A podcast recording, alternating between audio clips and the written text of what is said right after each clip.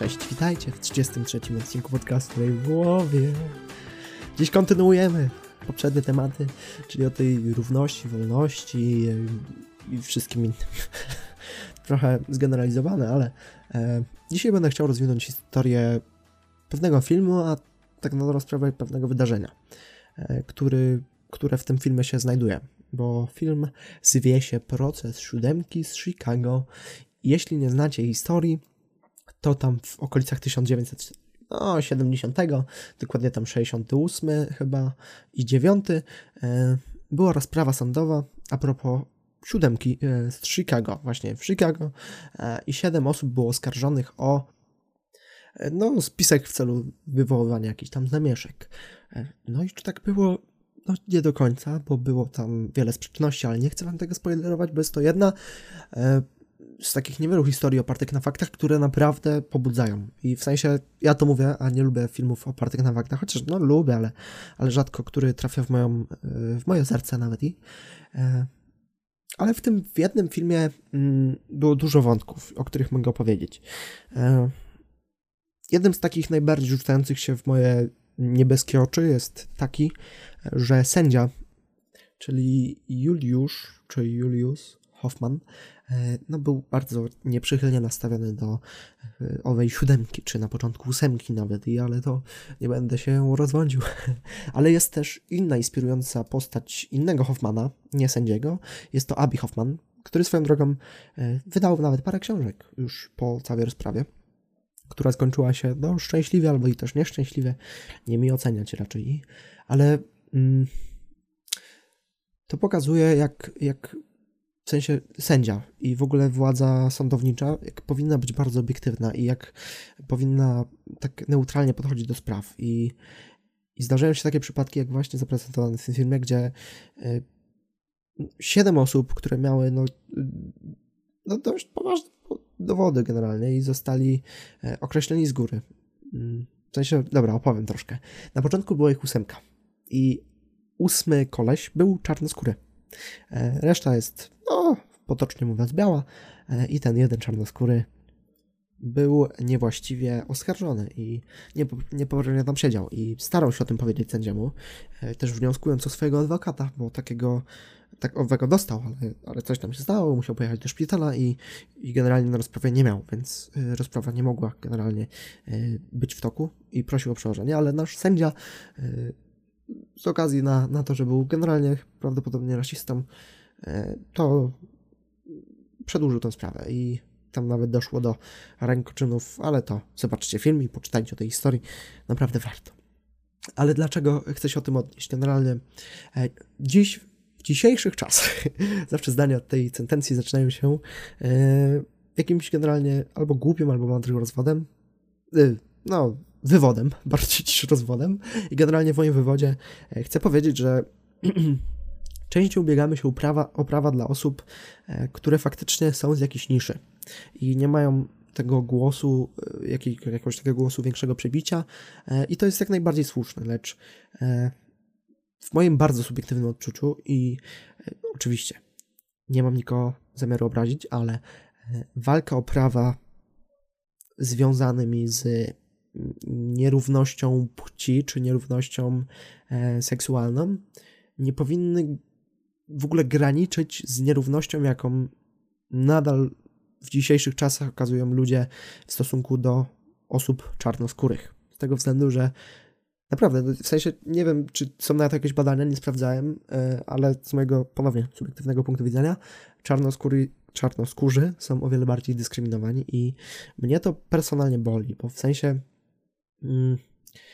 mam pewną hierarchię w mojej głowie, która, którą sobie stosunkuję mniej więcej tak, że właśnie ten problem e, w stosunku do czasem przemocy, no, no nierówności czarnoskórych e, jest e, no, potężnie wywyższony i, i jest to jeden z takich największych problemów, jeśli chodzi o nierówność i mnie to chyba najbardziej wkurza. W sensie to jest coś, co, co, co mnie tiltuje, jeśli widzę, że ktoś się niepoprawnie wypowiada w stosunku do jakiegoś człowieka, który ma inny kolor skóry. W ogóle czarnoskórzy to jest y, duża generalizacja, bo y, często też mówi się tak o y, jakiejś innej rasy etnicznej, nie? czyli na przykład Chińczycy, w ogóle Azjaci i tak dalej. trochę nie wiem, jak poprawnie też się na ten sposób opowiadać, bo często słowo na M w języku polskim albo na N w języku angielskim czy też amerykańskim jest obraźliwe dla tych osób. Lecz generalnie bardzo to rozumiem, ale nie powinno. W głównej mierze no, czarnoskóry to jest dobre określenie. Nie wiem, czy jest przyjęte żółtoskórzy, czy, czy, czy białoskórzy, ale to yy, generalnie wiecie o co chodzi. No i potem gdzieś tam na drugim miejscu w tej mojej hierarchii są właśnie te nierówności związane z tym, że ktoś yy, może sobie żyć z dala, ku, z dala tradycji. I co przez to rozumiem, tradycji yy, naszej polskiej niestety unormowało się, że chłopak i dziewczyna to jedyna normalna para. Na szczęście gdzieś tam to się już przebija yy, i na pewno jest to problem. W sensie, że to nie jest unormowane, bo Yy, oczywiście wynikają z tego jak, jakieś tam ogromne problemy i tak dalej. Yy, tak jak zresztą z. Jak się to nazywa? Jak się oddaje płód do takiego laboratorium, gdzie, gdzie potem dziewczyny mogą się tam zgłosić. No generalnie chyba też wiecie o co chodzi. To z tego też opowiem ciekawą historię, bo nie wiem, czy, czy, czy mówiłem o tym kiedyś.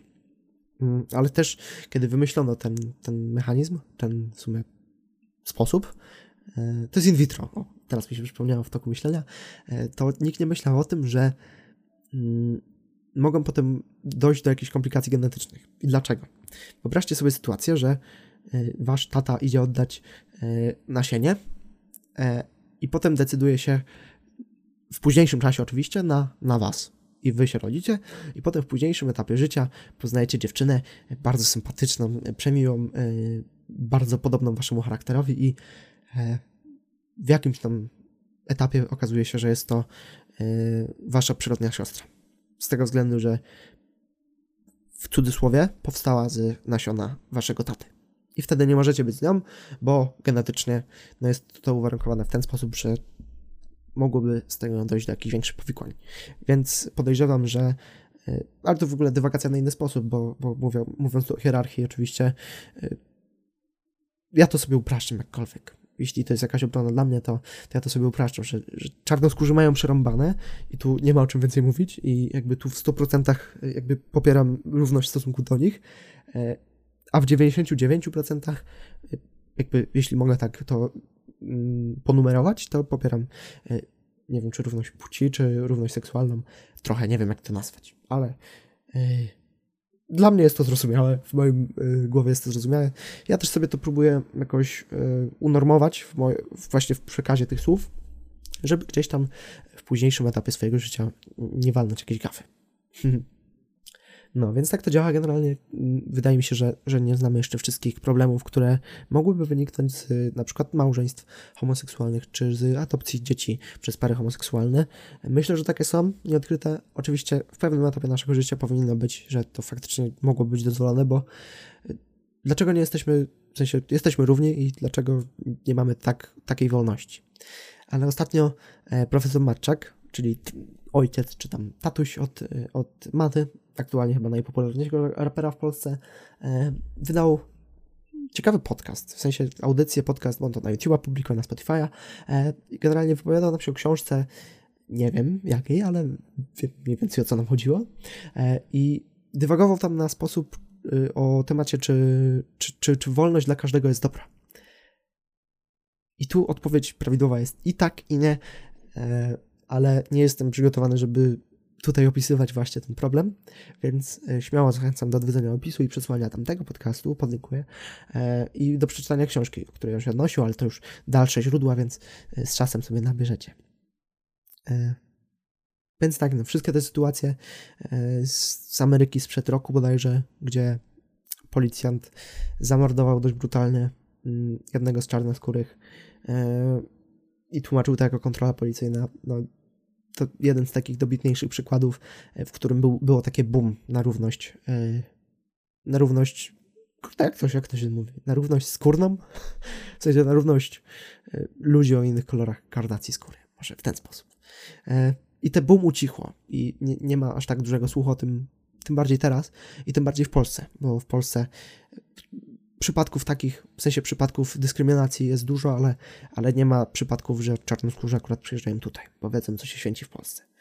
Więc myślę, że za granicą o wiele bardziej popularny jest trend właśnie dyskryminacji ze względu na kolor skóry i y, ja trochę się tak przygotowuję mentalnie na przyszłość, że nawet jeśli kiedyś Polska będzie tym lepszym krajem i jeśli będą chcieli tu przyjeżdżać, czy nawet będą zmuszani przyjeżdżać y, osoby o innym karnacji, o innej karnacji, czy innym kolorze skóry, to, to będą potra- potraktowani tak jak każdy inny. I myślę, że tym zakończę dzisiejszy podcast, także jakże dla mnie trudny w ogóle swoją drogą. Także dzięki za przesłuchanie, trzymajcie się. Bye!